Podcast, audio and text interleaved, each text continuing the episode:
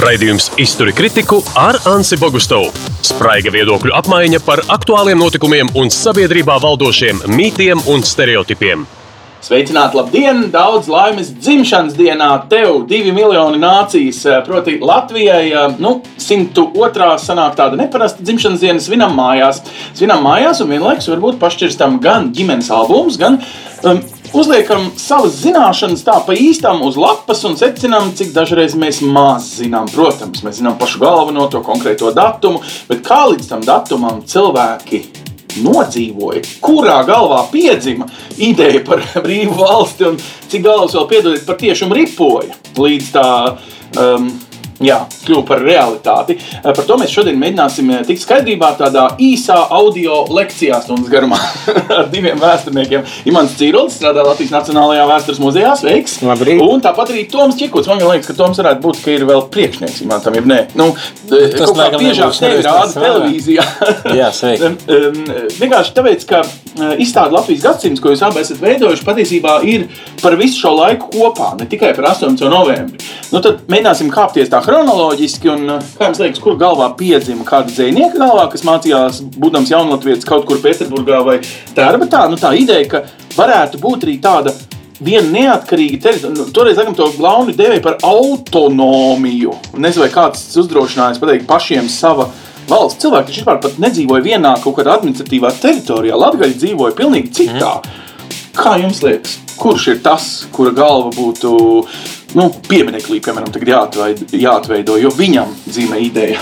Jā, nē, par to ideju laikam diezgan skaidrs. Latvijas valsts kā neatkarība, nu, tas pirmais skaidrais pieminējums Miķels Valters un tiešām dzēnieks. Tiešām revolucionārs un dzēnieks, tādā ziņā trāpīts desmitniekā. Un, um, kāpēc trāpīts desmitniekā? Tāpēc, ka um, nu, droši vien ka kaut ko tik. Uh, Inovatīvu zvejnieks arī var tikai izdomāt. Jā. Jo tāds, eh, teiksim, eh, varbūt vidusmēra birokrāts eh, līdz tādai ķecerībai 20. gadsimta pašā sākumā neaizdomātos. Cita lieta ir par šīm autonomijas idejām. Tās gan jau ir um, agrāk, nu, teiksim, Uh, drīzāk varbūt tādā izpratnē, ka ne tāda autonomija mūsdienu izpratnē, ka ir kaut kāda atsevišķa parlamenta pārvaldes iekārta, bet teritorija, kura būtu apvienota vienā geogrāfiskā vienībā un kurai varbūt būtu tai īpaši piemērotas pārvaldes atšķirības. Nu, piemēram, valoda lietvedībā būtu arī tā vietējā, ko šeit cilvēki runā, ne tikai vācu vai krievu, kas nu, bija tā 19. gadsimta realitāte. Šeit. Mm. Tas bija mazliet citādāk, bet tā,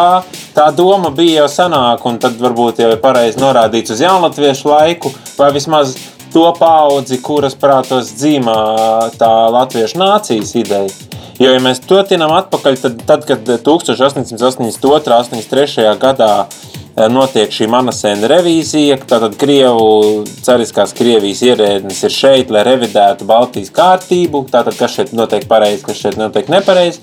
Latviešu sabiedrība iesniedz tādu kā petīciju, kurā viena no idejām ir šī te kopējā teritoriālā Un, jūs sakat, teritoriālā vienība. sabiedrība, tā ir Latvijas biedrība Rīgā. Rīgas ja? Latviešu biedrībā un tai pietuvinātie citi aktīvisti, kas tiek mudināti sūtīt sūdzības Krievijas valdībai. Tā Nu, būtībā inteliģence. Jā, Eh, labs ir, bet tad uh, normāls jautājums. Mēs te iesim pa brīvības ielu, tie, kur ies eh, nolikt ziedus 18. novembrī pie Mācijas Latvijas tēla, būs daudz dažādas. Un tad mums ir paralēlās Krišāņa Valdemāra un Krišāņa Barona ielas. Kur ir Miķeļa Valtera iela? Kas viņš tāds konkrētāk bija? Miķeļa kā Valtera ielas nav. galva bija tik eh, gudra uzasināta, ka viņš izdomāja, ka latviešiem vajag savu valsti.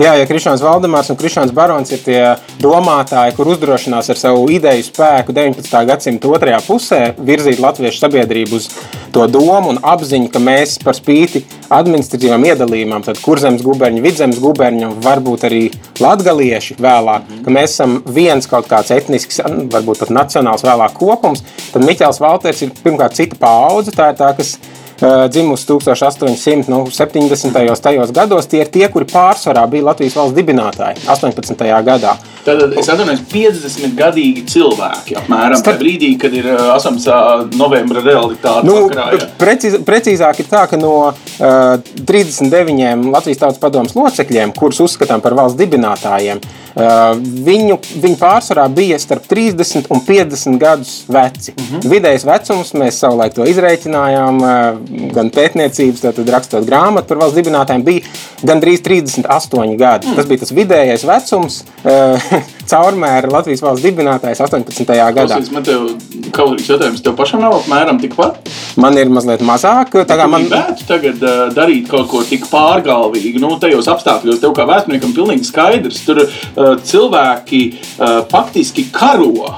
Nu, vai tev ienāk prātā kaut kādas vēl pārgalvīgas tādas idejas bez e-pastiem un bez nu, citām komunikāciju veido, veidiem paust tā, ka tu tici, ka tiem 39 cilvēkiem pavilktos arī visa nācija? Vai cikot, kas notiek citu pārējo cilvēku galvās? To, ka tie 39 ir drosmīgi un bišķiņi paslēpus arī faktiski to dara, nu, tas ir apmēram skaidrs. Bet kā viņi varēja būt droši, ka viņiem tās galvas neripos nākamajā dienā pēc tās deklarācijas?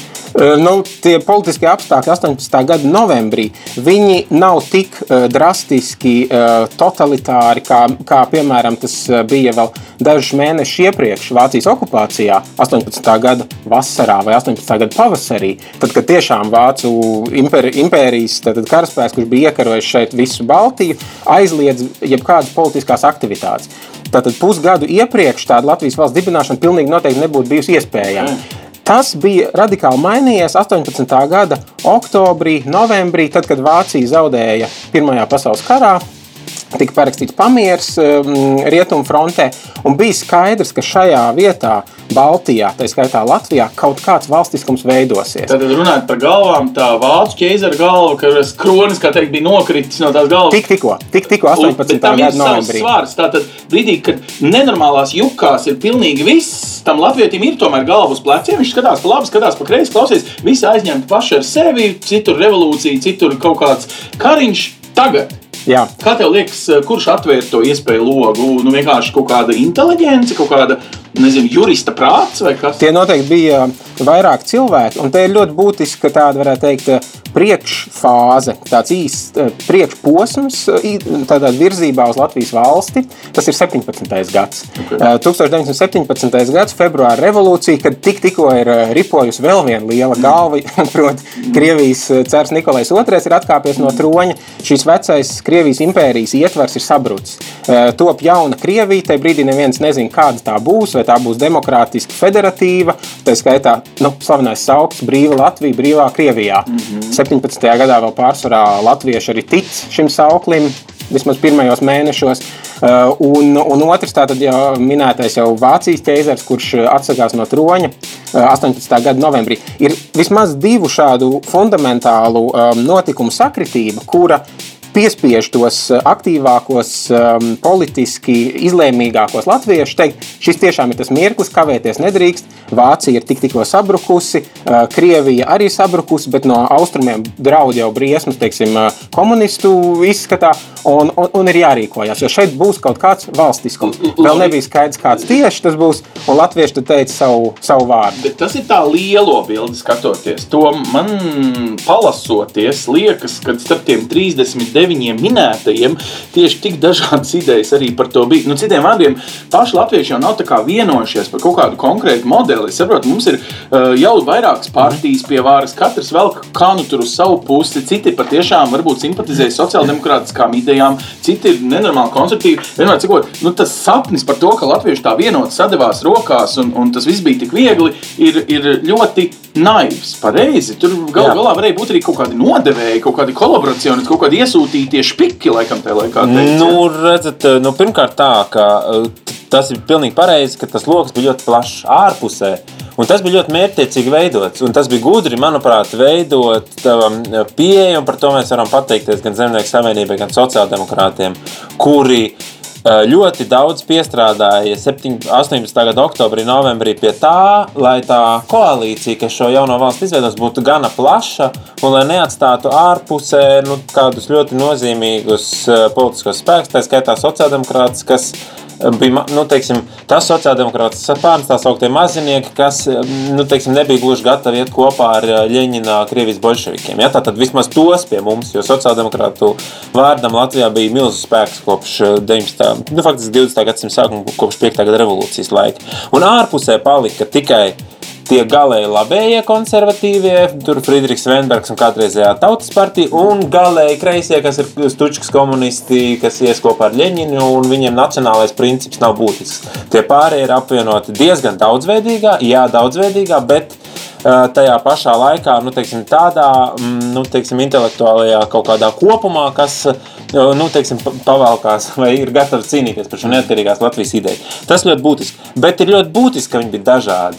Jo tas pat faktiski tā bija tā lielā atšķirība, tas ceļš, kas bija nostaigāts līdz tam, radīja šo dažādību. Tad tas bija nu, vismaz divi ar pus paudzes. Jo mēs iedomājamies, tad, kad Rainim bija trīs gadiņi, tad tika nodibināta Rīgas Latviešu biedrība, kas nozīmē, ka bija jau viena paudze pirms šiem lielajiem, kas jau bija kaut kādu pirmo šo ideju. Tad tā varbūt bija tāda vienotības ideja, mazliet romantizēta, tā sauktā jaunatviešu un ausekļu šo poētismu mēs varam iedomāties. Tad nāk tā nākamā pauze, kas ir jau konkrētāka, varbūt politiski izglītotāka, jo Eiropa arī ir mainījusies pakāpeniski. Un tad 20. gadsimta sākumā, Pirmā pasaules kara, Pirmā pasaules kara gados, ļoti strauji vēl izauga un nobriest, jo nu, karš strauji nobriedina personību, nobriest varbūt vēl viena paudze, kas ir jau 20, 30 gandrīz gadus jaunāka par Raini. Un tad, protams, ka šajā trīs paudžu gaitā tās idejas, kas ir radušās, ir gana dažādas. Un tas ir tas mūsu spēks, jo varbūt citiem mūsu kaimiņiem, kā Baltkrieviem, kaut kur arī Lietuviešiem, diemžēl, mm. varbūt tas gājums nebija tik garš, un tās idejas līdz ar to nebija tik daudzveidīgas. Tas ir tas lielais pluss tajā brīdī, ka Nu, mēs savā bijām ziņā dažādi. Tas eh, kaut kādā mērā jau no paša sākuma rada to demokrātiskas valsts pamatu. vai ne? Nu, doma, ka, ka tomēr Un mums šo ir intelektuālo telpu. Jā. Jā, tā, tā, tā ir nobriedusi intelektuālā telpa ar gana dažādām idejām. Nu, ja mēs pašķirstam, man ļoti patīk šie latviešu pirmskārā tādi intelektuālie žurnāli. Mēs šodien mēs varam teikt, nu, tāds, nu, kā teikt, punktu vai Rīgas laika vai domzīmes stila nopietnie žurnāli. Un viņi ir tik daudzveidīgi, stāri, zeltis, domas. Nu, tur eh, nu, varbūt mazliet tāds lauksaimnieciskāks, tur arī drūva. Bet viņi ir tik bagāti savā saturā. Un tad, kad tu pašķirsti un palasi, ko domā un raksta latviešu valodā pirms Pirmā pasaules kara, tad tev nav tādas šaubas, ka šie cilvēki varētu pavilkties uz šo 39 cilvēku ideju, ka mēs esam kaut kas ar kopēju telpu un interesēm. liekam, jāpieliek klāt, eh, viņi lasīja un rakstīja latviešu valodā, bet reāli paralēlā pasaulē jau dzīvoja krievu valoda un vācu valoda. Tās ir lielas pasaules valodas. Tas nozīmē, ka bija pieejama arī nu, teikt, ziņas par pārējo pasauli, ko domā inteliģence, ko, um, nu, kur virzās pasaules būtība. Tad gaisā virmoja ideja par mm, nacionālām valstīm. Eh, Vai latvieši būtu varējuši rīkoties savādāk, piemēram, noticēt komunismam, ka, ka tiešām brīva Latvija, brīvā Krievijā ar domu zem patiesībā komunistiskā diktāta beigās tas būtu bijis, vai kā savādāk. Ir tas bija vienkārši tāpēc, ka, nu, ja tā paskatās kartē, ap tiem gadiem taču zima vēl 14 citas valsts kontinentā. Nu, tas nozīmē, ka nu, vienkārši tagad vai nekad, nu, vienkārši tā dara visi kontinentā tajā brīdī. Nu, kāpēc tad ne latvieši? Skatoties uz lielāku geogrāfisko telpu, mēs redzam, ka 18. gadā, 18. gada pavasarī tiek nodibināta gan Demokrātiska Igaunijas republika, gan Lietuvas republika. Tagad uzreiz, un tā ir tāds interesants, varbūt paralēlie divi stāsti, kā tad mūsu tuvākie kaimiņi nokļūst pie sava valstiskuma. Un te jāsaka, ka lietuviešiem un igauniem ir pilnīgi citādāka situācija. Lietuvas teritorija jau kopš 1915. gada bija Vācu okupācijā, līdzīgi kā Kurzemes guberņa. Viņi ir iekaroti, varētu teikt, vienā iekarošanas vilnī.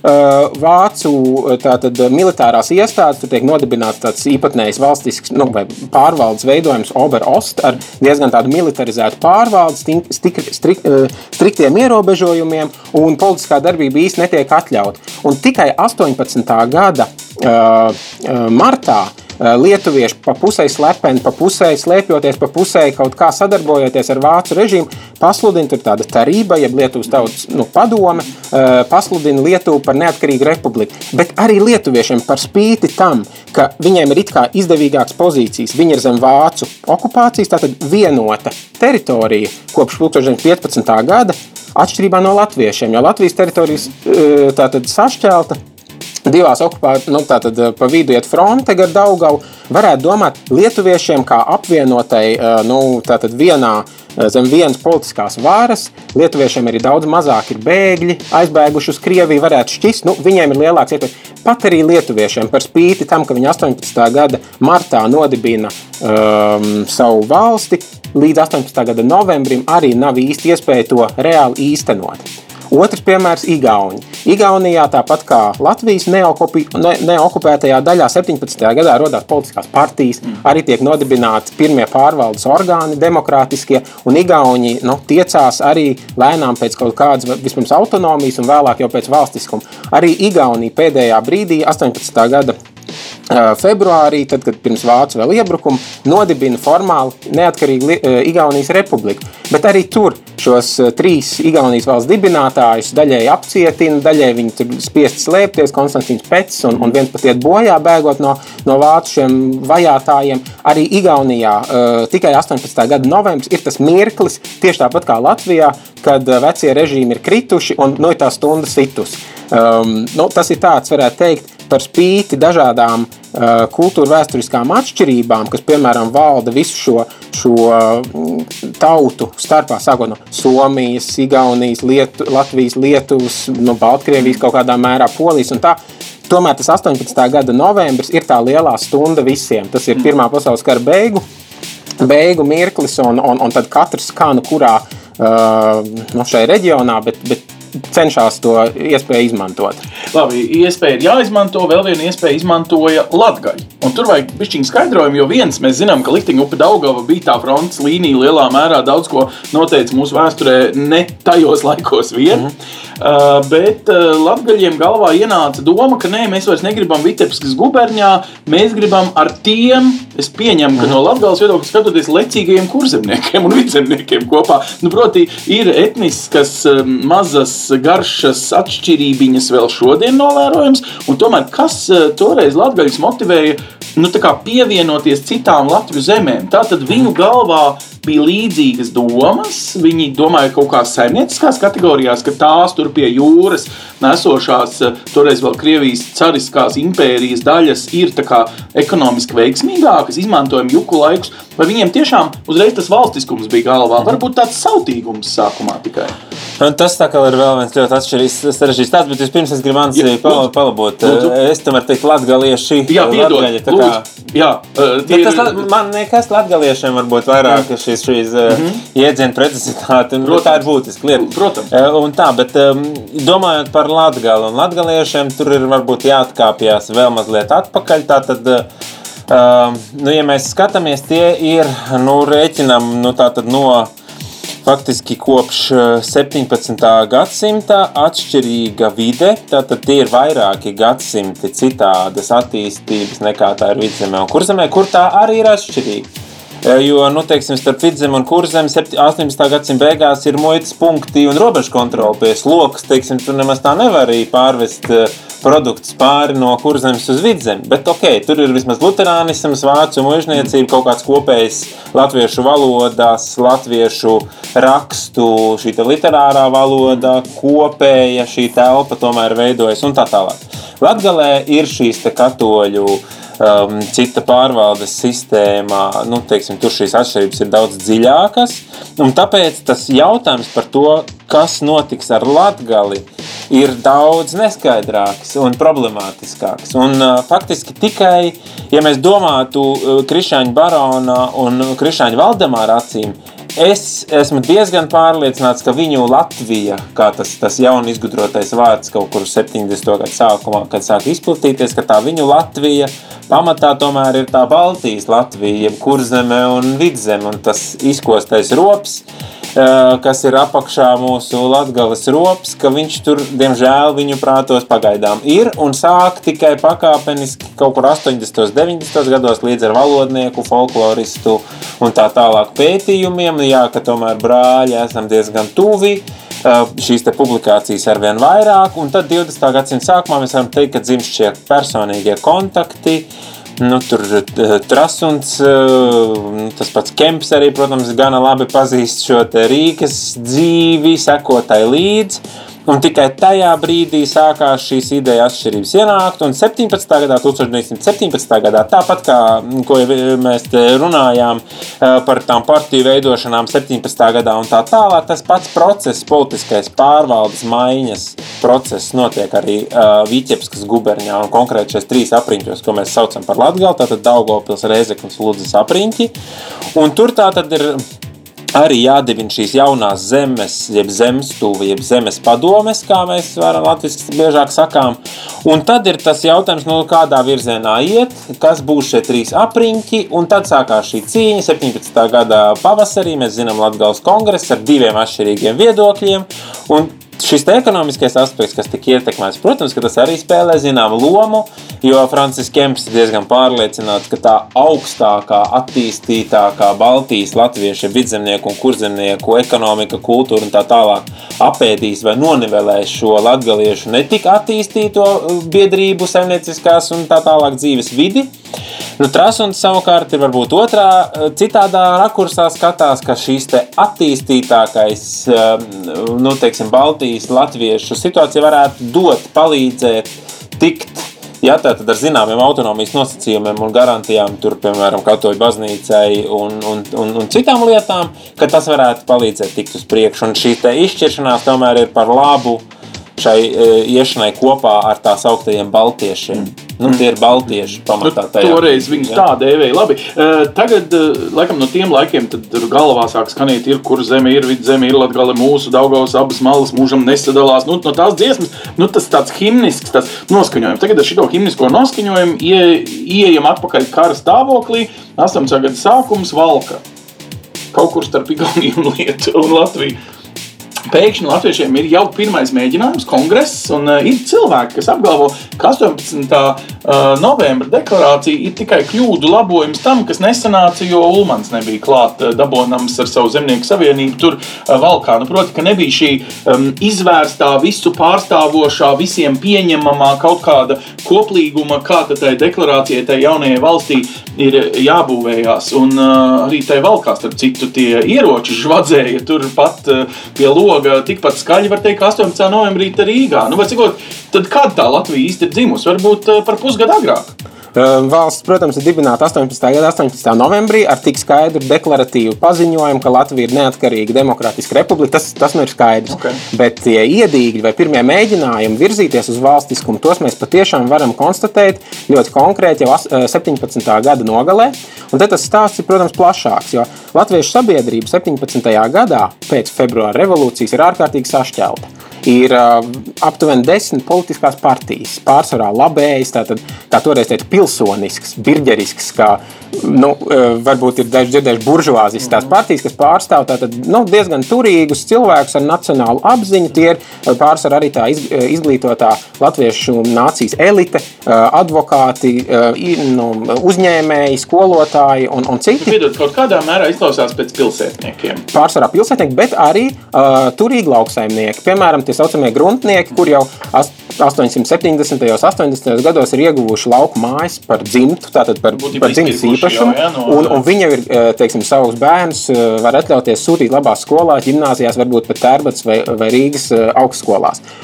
Nu, tā tad ir plašs, viena vien latviešu sabiedrības daļa atbalsta šīs pilsoniskās, labēji vai nu, arī centriskās partijas. No otras puses, ir ārkārtīgi milzīga cilvēku daļa Latvijā, eh, kura atbalsta drīzāk kreisās idejas. Un tās, ir, eh, tās var būt mēreni kreisas, tā kā vēlākajiem sociāldemokrātiem, un tās var būt galēji kreisas, kā vēlākajiem komunistiem, lieliniekiem, jeb Ļeņina atbalstītājiem. Un eh, šī plaisa starp tām pilsoniskajām, labējām partijām un starp kreisajām, radikāli tam, tām, tām uh, nu, lielā mērā Ļeņina atbalstītājiem, tā plaisa kļūst par izšķirošu uh, tādu nu, uh, cēloni tam, ka 17. gada gaitā latvieši nespēja vienoties, ka mēs tagad nu, kaut vai deklaratīvi, bet dibinam savu valsti. 17. gadā uz to gāja. Pēc februāra revolūcijas bija dažādi mēģinājumi. Tika ievēlēta Vidzemes pagaidu zemes padome, pirmais orgāns, pēc tam Vidzemes zemes padome. Bija Rīgā arī Rīgas sabiedrisko organizāciju padome. Tāds mēģinājums nu, tātad, konsolidēties, sanākt kopā, un tad šī institūcija runās visas latviešu nācijas vai šīs zemes kopējās vārdā. Bet iekšēji šajās institūcijās bija pastāvīgi konflikti. Labējie strīdējās ar kreisajiem, viens otru boikotēja. Ļoti interesants epizodes ir uh, 17. Inteliģenti cilvēki ir vienkārši kara nu, kopējā stresā. Nu, kāpēc strīdēties, ja tev ir nu, kā, nu, nosacīti? Vismaz mums no mūsdienu simts gadus no atstatām tāda skata, likās, viss taču bija tik vienoti, viss taču Noteikti, bija tik... nē. Noteikti, Bet tad pilnīgi noteikti. Kā nē. viņi varēja vienoties par vienotu valsti, ja viņi savā starpā principā nīda viens otru? Tas bija vēlāk. Viņi vēlāk vienojas, un tas ir ļoti būtiski. Jo 17. gadā, kad varētu teikt, slūžas pavarās, beidzot nu, būs brīvība, visi tagad būs brīva Latvija, vai, vai brīva Latvija, brīvā Krievijā, vai, vai lielāka autonomija. Bet kādas tad tā būs? Vai tā balstīsies uz nacionāliem principiem? Tātad, nu, tas, kas ir Rīgas Latviešu biedrības, piemēram, šis pavadiens jau kopš 19. gadsimta, ar latviešu valodu kā vienu no fundamentiem, ar pilsoniskajām, nu, tātad pilsoņu tiesībām un visām brīvībām, kas ir demokrātiskā valstī, vai arī tā ies drīzāk tajā revolucionāri kreisajā, radikāli kreisajā Tas ceļā. nozīmē, ka nacionālais nav svarīgs. Ja? Tāda, Kas, kas, kas uh, lielinieku izpratnē, tātad Leņķina un arī Pēters Stučs, piemēram, latviešu komunistu izpratnē, pilnīgi noteikti nebija tas uh, svarīgākais, vai, pat, vai daļai pat to noliedz. Un, uh, un, un tādēļ latvieši nespēja vienoties, tādēļ izjuka mēģinājums sasaukt Nacionālu padomi, kurai būtu bijis jāsasauc, nu, tātad jādibina Latvijas valsts, jāsasauc, uh, jāizsludina satversmes sapulces vēlēšanas Latvijā un tā tālāk. Tas 17. gadā neizdevās. Mēs zinām par dažus ļoti kolorītus epizodus. 17. gada oktobrī, 22. un, un naktī uz 23. oktobri Valkā. Valks rātsnamā, tas ir vai valdes namā, tas ir tagad, ja mūsdienās braucam cauri Valgai, tad tur stāv jā, tumšs sarkana ēka, kur tagad ir eh, arī turisma informācijas centrs. Eh, Tur bija eh, nu, Valkas eh, pilsētas valde, un tur sanāca Vidzemes eh, zemes padome. Un tas bija bijušās eh, Vidzemes gubernijas centrā. Nu, tā, tā tajā brīdī nebija nomala. Tas bija tā kā arī savā ziņā tāds organizatorisks centrs, tāpēc, ka daudz bēgļu, piemēram, bija Tērbatā vai Jurjavā, un no Krievijas viņi varēja varbūt labāk sabraukt uz eh, Valku. Un tajā sēdē eh, 23.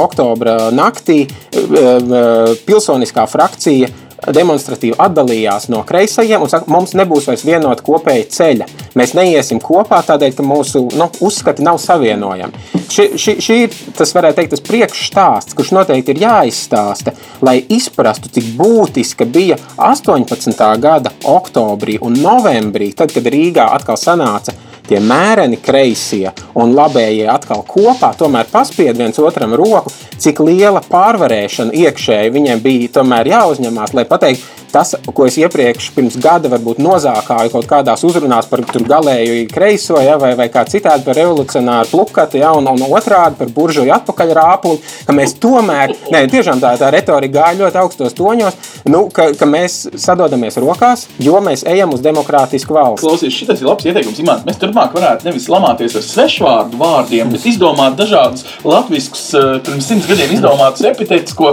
politiķi viens otram jau ir um, kā piemērojuši attiecīgajās eh, ideju cīņās. Viena lieta, kas vēl ir jānoskaidro, ir tas konteksts, ka, nu, es nezinu, vai trešdaļa tiešām, bet rīktīgi daudz cilvēku ir prom no valsts. Viņi kara laikā, kurš ar fabriku, eh, kā teikt, darba galdiem vest uz Krieviju kopā, kurš pats sakrāvis iedzīvi ratos un devies principā plus mīnus uz austrumiem, mhm. kurš pavisam tālu, kurš tuvu. Nu, tā tad viņu sirdīs jau bija ļoti atšķirīgs, jādomā domas. Viņi arī dzīvoja tajā brīdī, kur nu kurais, cits balto kontrolētā, cits sarkano kontrolētā teritorijā. Viņu sirdīs tā atblāzma, kad viņi sagaidīja ziņu, ka kamēr tu nebija mājās, tur kaimiņš nodibināja valsti. Kā tas skanēja? Viņu, viņiem likās, varbūt mm -hmm. trakie pašnāvnieki. Tad jau mēs nekad vairs nebrauksim mājās, neko vairs neatgūsim. Jā, tas stāsts ir vēl veselā atsevišķa faktiski tēma, kas notiek 18. gadā ar šiem nu, vairākiem simtiem tūkstošu cilvēku, kas ir ārpus Latvijas teritorijas. Un tā ziņa eh, pie viņiem, nu, mēs īsti nezinām, cik no ātri katrā vietā viņi nonāca, bet es pieņemu, ka tas bija diezgan ilgs ceļš, jo mums jāatceras, ka 18. gadā ir pilsoņu karš Krievijā, ir jau pilnās, pilnās liesmās. Un tas ir nu, pirmā, Krievijas pilsoņu karā. Nu, teiksim, vēsturnieki parasti saka, ka Krievijas pilsoņu karā iet bojā tikpat, cik visā Pirmā pasaules karā kopumā Eiropā cilvēki. Ja? Tātad, ja mēs tur apmēram 10 miljonus sakām, tad Krievijas pilsoņu karš ir tik brutāls, ka tur vēlreiz notiek tas pats. Mēs iedomājamies šo 18. gadu, un šie latviešu cilvēki ir pakļauti abu pušu mobilizācijām. Lielākais, ko šie kādreizējās latviešu pagaidu Nacionālās padomus emisāri, kas tātad arī ir no valkas bijuši spiest pārcelties no Petrogradas, pēc tam slapstīties pa pagrīdi 18. gada vasarā, čakste kaut kur Kazaņā, bailēs, ka viņi arestēs, pārlaiž vasaru un pēc tam dodas šeit, lai kļūtu par Latvijas tautas padomus priekšsēdētāju 18. gada rudenī. Tas ir absolūti dez, dezorganizēts kopums šajā 1918. gadā, jo 1917. gada beigās Ļeņina lielnieki likvidē Latviešu bēgļu apgādes centrālu komiteju likvidē šo bēgļu apgādes centrālu komiteju, kas ir bijis vismaz kaut kāds vienojošais centrs, kas pārredzēja šo laukumu, kas notiek ar bēgļiem un viņu apgādi. Šī centrāla komiteja ir likvidēta. 18. gadā ir sācies absolūts hauss, un šie informācijas centri ir ļoti vāji. Ir daži mēģinājumi dibināt tādus, nu, teiksim, ir mēģinājums nodibināt pretlielinieciskas latviešu organizācijas 1918. gada augustā, septembrī pie Volgas, tātad Samārā, Kazaņā, pēc tam viņi pārceļas uzbrukumu dēļ uz Ufu, pēc tam tālāk uz Sibīriju un tāliem austrumiem. Tur varbūt šī informācija pienāca relatīvi ātrāk, ja, jo viņi bija tad jūta līdz šīs nu, teiksim, nacionālās Latvijas idejai. Pieņemu, ka šajās lielnieku kontrolētajās teritorijās ļoti dažādi. Un, ja tā informācija arī pienāca, tad viņi bija ārkārtīgi pretrunīgi un ar to cīnījās vēl teiksim, 1919. gadā. Kas tad ir šī Latvija? Tad, kad Stučkas lielnieki, šie bijušie strēlnieki, tātad varonīgi atgriežas Latvijā, un tātad latviešu strēlnieki, kas ir bijuši spiest aiziet uz Krieviju 19, 18. gada beigās, 19. gada sākumā atgriežas Latvijas teritorijā, un tad tas priekšstats, kas tad šeit ir dibināts, un vai tiešām tā ir resnvēdera banda, kas eksploatēs darba cilvēkus, vai kaut kas tomēr cits. Nu, tas priekšstats ir ārkārtīgi nu, teiksim, sakropļots, nezinot, kādi ir reāli apstākļi. No otras puses, tieši Krievijas pilsoņu karš ļauj ieraudzīt to, kas ir lieliniecisms, kas ir bolševika. Tā atkal ir ļoti svarīga mācība, jo tu varbūt saproti, kādas varas metodas tu īsti negribi pieredzēt. Un tad šis ulmaņa apsolījums, ka tā būs taisnīga valsts, kas ievēros cilvēka tiesības, tā skaitā minoritāšu tiesības un tā tālāk. Nu, tas tā kā ir drusciņā kaut kas cits un tā kā mazliet glābiņš, nevis eh, pasludināt, ka tas tagad ir visu naids pret visiem un mēs tagad karojam, lai tikai darba ļaudis uzcelt savu valsti. Tā kā, nu, tur ir tāds ļoti sarežģīts līnijas, bet tas, kas ir Jāatcerās, bēgļu kontekstā varbūt vēl viens fakts tikai tas, ka 1918. gadā, lai gan Vācijas okupācijas varas vara ļoti, ļoti negrib laist atpakaļ no padomju Krievijas cilvēku šeit Latvijas teritorijā, tomēr diezgan daudz, desmitos tūkstoši cilvēki pa dažādiem ceļiem spēja atgriezties no Krievijas pierobežas rajoniem, bēgot no pil pilsoņu kara, teiksim, atgriežas Latvijas teritorijā. Tā kā tas process, tā atgriešanās tad notiek, un tad pēc neatkarības kara beigām atkal uzņem jaunas apgriezienus, un kad apmēram 200 tūkstoši kopumā atgriežas 20. Nu, līdz 24. gadam, apmēram, padomu Krievijas.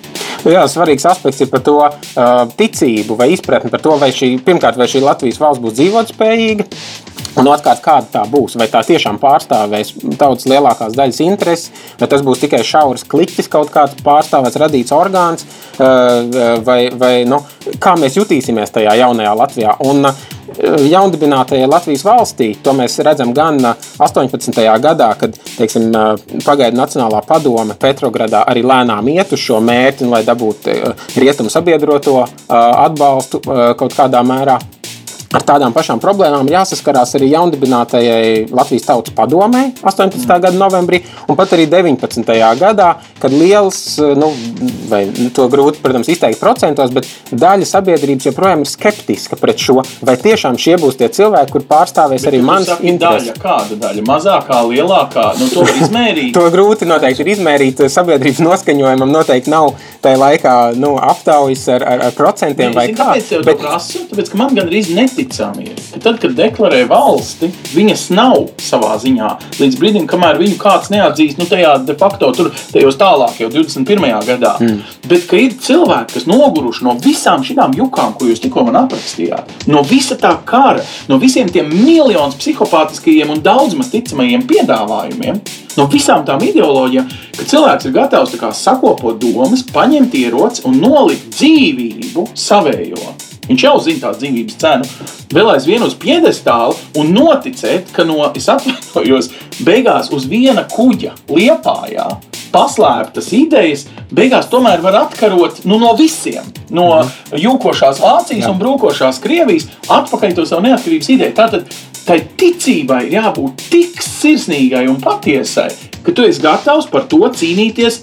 Pagarinot karu vēl par gadu. Jā, un uh, varbūt viens no iemesliem ir tas, ka tās pārējās alternatīvas, kuras tajā brīdī latviešiem tiek piedāvātas no citiem, ir ļoti, no nu, ļoti nepievilcīgs. Ko tad piedāvā lielinieki? Tas pats Stučkas režīms. Tātad Latvijas Socialistiskā padomju republika, kas tiek nodibināta formāli, tā ir tā, kura nāk, lai aizvietotu 18. novembra republiku. Nāk sarkanā armija jau četras dienas vēlāk, pēc 18. novembra, tas ir 22. novembrī, tiek iekarota Zilupe, tālāk jau Lūdza un janvāra sākumā krīt Rīga, un tad līdz Liepājas vai, vai aizpūtam apriņķim atkāpjas.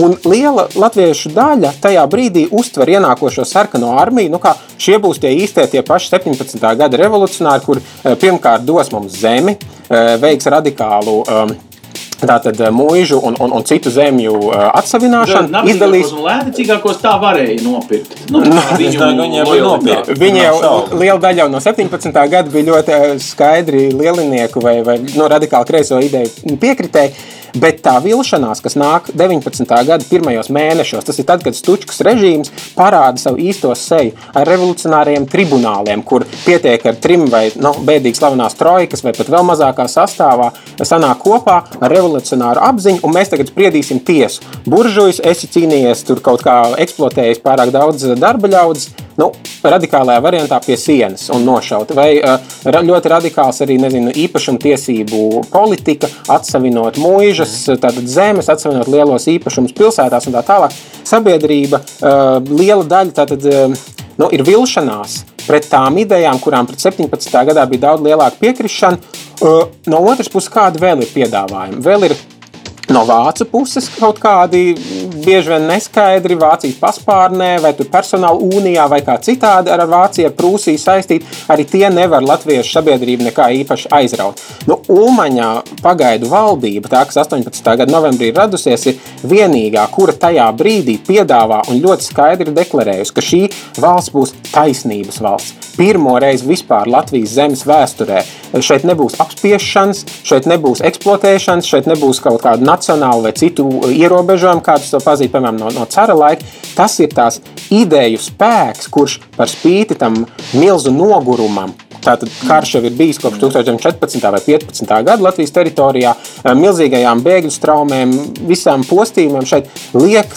likt daudziem uz šo vienu kārti. Šī būs tā valsts iekārta, kas sniegs mums attīstības iespējas. Pie šī varbūt vēl viena. Gribēju nu, pateikt, ka lūk. varbūt arī tiem, kam nu, tā taisnība ir kaut kas abstrakts, un viņi varētu noticēt arī bolševiku taisnībai. Vēl viens ļoti svarīga lieta ir šis zemes jautājums. Jums jāatcerās tā proporcija 70 pret 30, tagad ir otrā 30 mums laukos, 70 pilsētās.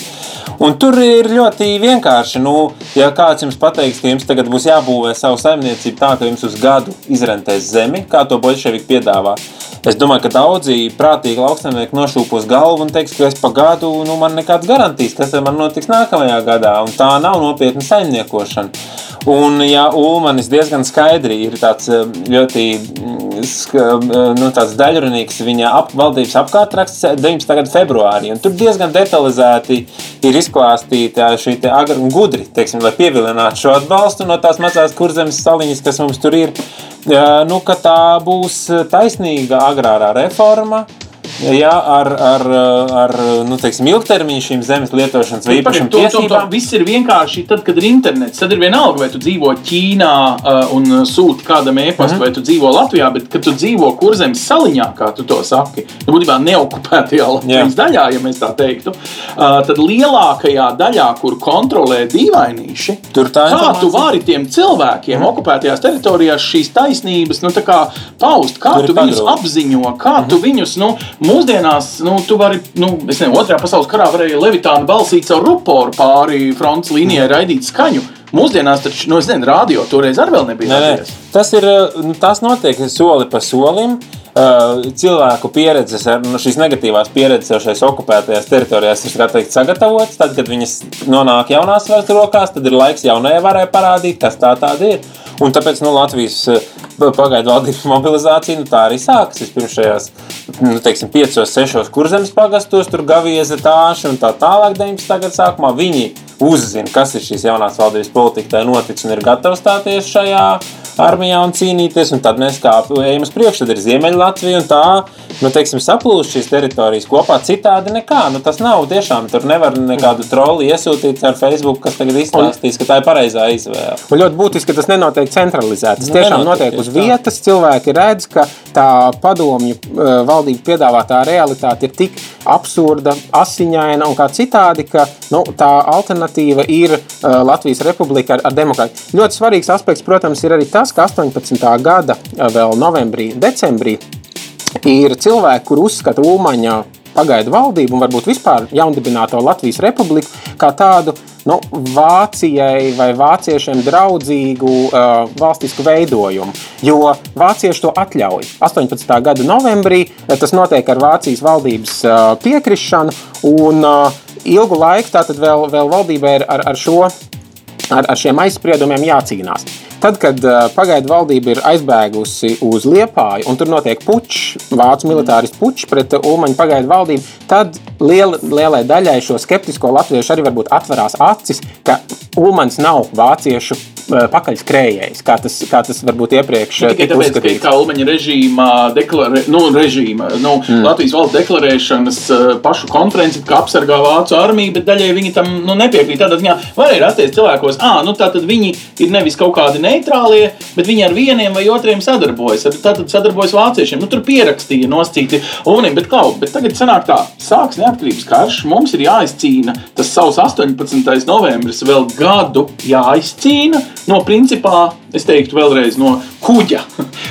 Liepājā ir jādabūna atpakaļ visa šī salīdzinoši plašā teritorija Bet tajā brīdī parādās vēl sasodīts otrs trakais, vēl Bermons. Viņam arī kaut kas galvā. Nu, tātad, būtībā mēs sākam cīnīties ar vieniem, mēs uzraujamies uz diviem ienaidniekiem. Jā, nu, Latvija tajā ziņā, teiksim, arī salīdzinot ar to pašu Igauniju, bija uh, daudz ne, ne, nu, neizdevīgākā stāvoklī. Jo Igaunijai jau 19. gada jau sākumā izdevās atbrīvot gandrīz visu savu teritoriju no iebrukušās sarkanās armijas, un tas ir arī iemesls, kādēļ Igaunijas teritorijā tad varēja no Ziemeļvidzemes sākt nākt šīs eh, papildu vienības, kuras at, at, atbrīvot vidzemi no lieliniekiem.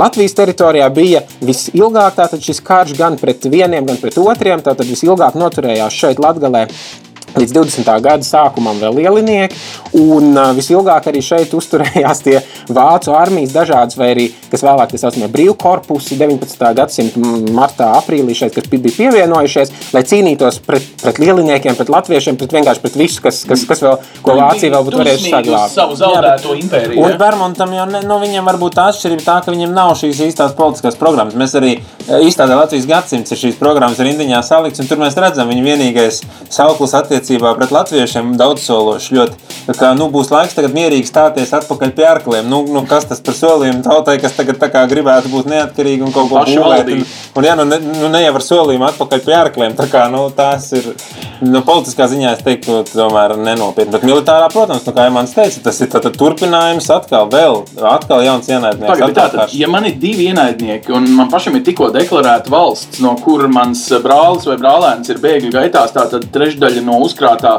jau ir vismaz karā izpostīta, ja ne bēgļu gaitās aizvest. Kurš finansē to neatkarības karu? Kur rodas nauda, deksme? Nu, tie taču nevar būt tas, nezinu, ziedojumi, par kuriem un kurš galu galā pārdod. Arī ziedojumi, starp citu, arī, starp citu, arī ziedojumi ir ļoti tādas sirsnīgas. Eh, nu, protams, ka tas nevar nof nofinansēt vai ne šo neatkarības karu, bet nu, ir, man liekas, ka Valmērs vai Cēsu ehm, pilsētas eh, turīgie pilsoņi, kā teikt, savāc eh, naudu pagaidu valdības kasei, sūta uz Rīgu ar sveicienu pagaidu valdībai arī tas. Bet, nu, protams, ka tas ir sabiedroto atbalsts pamatā. Nu, saki, lūdzu, tad, kāpēc šie slavenie sabiedrotie, tā Francija un Lielbritānija un tā, notic šiem tikko dzimušajiem, uh -huh. pilnīgi neprofesionāļiem, pie varas nekad nebijušajiem cilvēkiem, ja nu, jā, ir divas impērijas, Vācija un, un, un Padomju Krievija, kur varbūt nu, nav simpātiskiem sabiedrotiem, bet kāpēc viņiem uzreiz tie, tie mazie, kas grib pašnoteikties, tā impēriskā domāšana taču tajos uh, Britos arī vēl aizvien ir galvā, kāpēc viņiem noticēt šīm neatkarības uh, alkās dzīvojošajām mazajām tautiņām Zintarjūras krastā? Tur laikam ir kaut kādi gan reāli politiskie, gan tomēr arī tādi ideāli aspekti. Viena lieta ir tas pats pašnoteikšanās princips, tomēr uh, Nu, viņš ir skaļi pausts no Vudro Vilsona šķieta mutes un, un tā kā mazliet jau attīstīts Pirmā pasaules kara beigu fāzē, ka šī tautām būtu jādod pašnoteikšanās, un šī pašnoteikšanās ideja ir arī kaut kas tāds, ko tā kā latviešu politiķi attīsta savā retorikā, pašnoteikšanās, ja pašnolemšanās, ja tātad, ka tautām uz to būtu tiesības, tad tas ir tas ideāls, varbūt, kas kaut kur Eiropā ir sēts, un arī nu, tie paši sociāldemokrāti Vācijā, nu, tur jau arī varbūt nav tādas impēriskās Vācijas vīzijas, kādas mēs tur varam iedomāties, varbūt uh, iepriekš no šīs ķēzeriskās elites. Bet otra, otra lieta, bez šīs politiskā ideāla, protams, ir šī reāla, reālā situācija un cīņa pret lieliniekiem, kur nu, ir jāpieliek pūles nu, no dažādām pusēm, lai šos Krievijas lielinieks ierobežotu. Es to prasu vienkārši, kāpēc? Vai nav tā, ka tās lielvaras, kas atbalsta mūs, patiesībā jau laicīgi mūs atbalsta tikai tāpēc, ka jau toreiz viņi saprata, ir vajadzīga buferzona padomju savienība? Nu, jā, tā, tā, tā, tā, protams, tā situācija noteikti 19. gadā ir sevišķi. Ir skaidrs, ka uh, vispār jau 18. gadā tiklīdz Vācija atzīst sakāvi karā tiek parakstīts pamieris, tad Vācijai tiek atvilkt karaspēki no daudzām frontēm, piemēram, bet Baltijā kuru Vācija ir iekarojusi. Tātad visa Baltijas, mūsdienu, Igaunija, Latvijas, Lietuvas teritorija tiek uzlikta par pienākumu Vācu armijas tātad, atlikušajām daļām palikt šeit, Baltijā, lai aizstāvētu to pret sarkanās armijas iebrukumu. Tātad tas ir Angļu un daļai Franču arī interesēs un viņu vēlme, lai Vācu armija, kas ir vienīgā, un tā arī reāli ir 18. gada nogalē, tādēļ arī Ulmans ir spiests ar viņiem sadarboties ar, ar, ar Vācu uh, armijas daļām, uh, lai šeit paliktu. No otras puses, tātad ir no Angļiem ilgu laiku valda nu, tāda neskaidrība, nu, kā tad uh, izturēties pret šiem, šiem valstiskiem veidojumiem, jo, jo no vienas puses ir skaidrs, viņi, viņiem arī pret Vāciju būs sava loma, tātad ierobežot Vāciju, viņu imperialistiskajās kaut kādās tieksmēs uz uz austrumu virzienā. Un, no, to mēs redzam no jaunākiem pētījumiem, tieši, kas ir pēdējo gadu laikā iznākuši arī no uh, Lielbritānijas no kara ministrijā vai citos uh, instancēs, ka ilgu laiku valda tāda neskaidrība, kas tad šajā reģionā vispār būs. Vai atjaunosies Baltā Krievija, vai nu, tātad, Deņķina, Judēniča vai citas armijas tātad, gūs uzvaru un, un varbūt atjaunos šo veco lielo Krieviju. Sakaus Ļeņinu. Sakaus pirmkārt Ļeņinu, tātad, nu, jo, jo, jo bolševisms arī priekš Anglijas ir nu, viens no lielākajiem draudiem vai tomēr eh, kā citādi. Un, nu, ilgu laiku vēl tāda neskaidrība. 19. gada nogalē, kad uh, Lielbritānijas piemēram, kara kuģis sniedz jau konkrētu atbalstu Latvijai cīņā pret Bermudu, ja, nu, tad jau ir vairāk vai mazāk skaidrs, ka šīs valstis nu, tad, tad pastāvēs un, un ka viņas veidos pašu savu likteni ar ļoti skaidru rietumu sabiedroto atbalstu. Nu, te arī skaidrojums, kāpēc patiesībā mūs par reālu valsti, par kaut ko ticamu un uzticamu, kā nu, de facto, de jure un kaut kādu subjektu atzīst tikai uh, krietni vēlāk. Nu, liekas, tā um, nu, pat negodīgi vēlāk. Tātad mums savā ziņā vēl neticēja, un to noticēšana bija jāpierāda. Nu, jūs savā um, simtgadus izstādē apzināti esat uh, izvēlējušies tādu lielu garu posmu. Tātad tikai, kad piedzīvosim 21. gada 26. janvāri, tad mēs varam teikt, ka tas process ir kā, nu, simts gadi ir noslēgusies. Varbūt vēlreiz, kas tur ir tā e, īpašā lieta un kāpēc Zifrīds Anmeirovics tiek uh, skaistākajā bulvāra vārdā